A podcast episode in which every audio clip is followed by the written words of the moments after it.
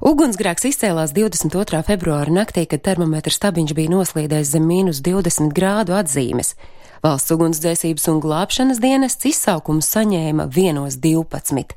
Pirmie notikuma vietā ieradās Alsungas ugunsdzēsēji, kas izsauca papildspēkus un tad devās glābt aprūpas centra iemītniekus.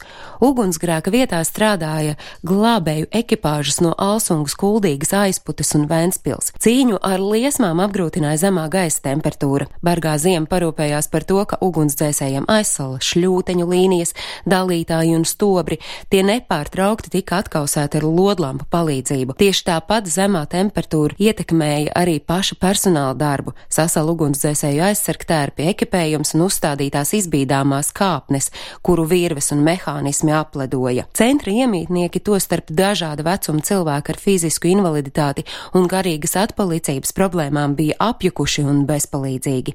Pat vairākas stundas pēc dzēšanas darbu sākuma glābēji atrada zem gultas paslēpušos kādu centra iemītnieku spēku. Līdz pat šodienai dažādos oficiālos avotos atšķiras ugunsgrēkā bojā gājušo skaits bet saskaņā ar krimināla lietas materiāliem nelaimēm ir 26 cilvēki. Visi cietušie un bojāgājušie bija aprūpas centra klienti. Pansionāta darbinieki ugunsgrēkā necieta. Ugunsgrēks notika 22. februārī, bet tikai aprīlī 19 no reģos bojāgājušajiem tika guldīti masu kapā. Tobrīd 14 no viņiem nebija atpazīti. Viena no izglābtajām aprūpas centra iemītniecēm bojā gāja slimnīcā. Valsts amatpersonas uzreiz pēc ugunsgrēka izvirzīs savas teorijas, visticamāk nelaimē vainojama neuzmanīga smēķēšana. Tiesa gan drīz kļuva skaidrs, ka vainojama bija elektrosistēmas pārslodze. Centrs tika paplašināts izbūvējot nesaskaņotu mansardu, bet elektrības sistēma netika pielāgota lielākai slodzei. Kuldīgas policijas veiktās izmeklēšanas rezultāti liecināja, ka ugunsgrēks reģos izcēlies izsavienojuma dēļ ēkas bēniņos. Ne labklājības ministrija, ne sociālo pakalpojumu pārvalde, kam regulāri jākontrolē sociālajos aprūpas centros, ja pansionātos notiekošais, nenesa nekādu atbildību reģu traģēdijā. Secināja tik, ka vairākus nepiedodamus pārkāpumus pieļāvusi sociālā aprūpas centra reģi direktore, un viņai piesprieda nosacītu brīvības atņemšanu uz pieciem gadiem ar pārbaudas laiku uz trim, bet viņas vietniekam piesprieda 280 stundas piespiedu darba.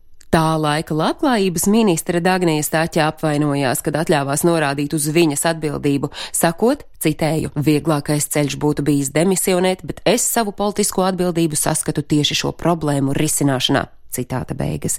Tas, ko ministra pieļāva, iespēja doties pa kluso apmeklēt pansionātus, lai pārliecinātos par tur notiekošo. Pēc ugunsgrēka aprūpes centru slēdza un tā iemītnieks pārvietoja uz gudeniekiem, kur pēc trim gadiem atklāja jaunu sociālo aprūpes centru.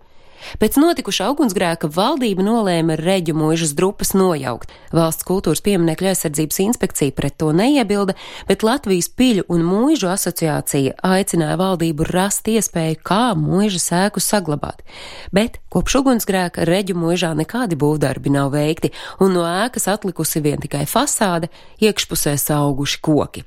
Pēdējās plašāk izskanējušās ziņas par reģu mūžas likteni lasāms 2011. gada ziemā, kad mēdīji ziņoja, ka uz sadegušo invalīdu kauliem tagad būvēs viesnīcu.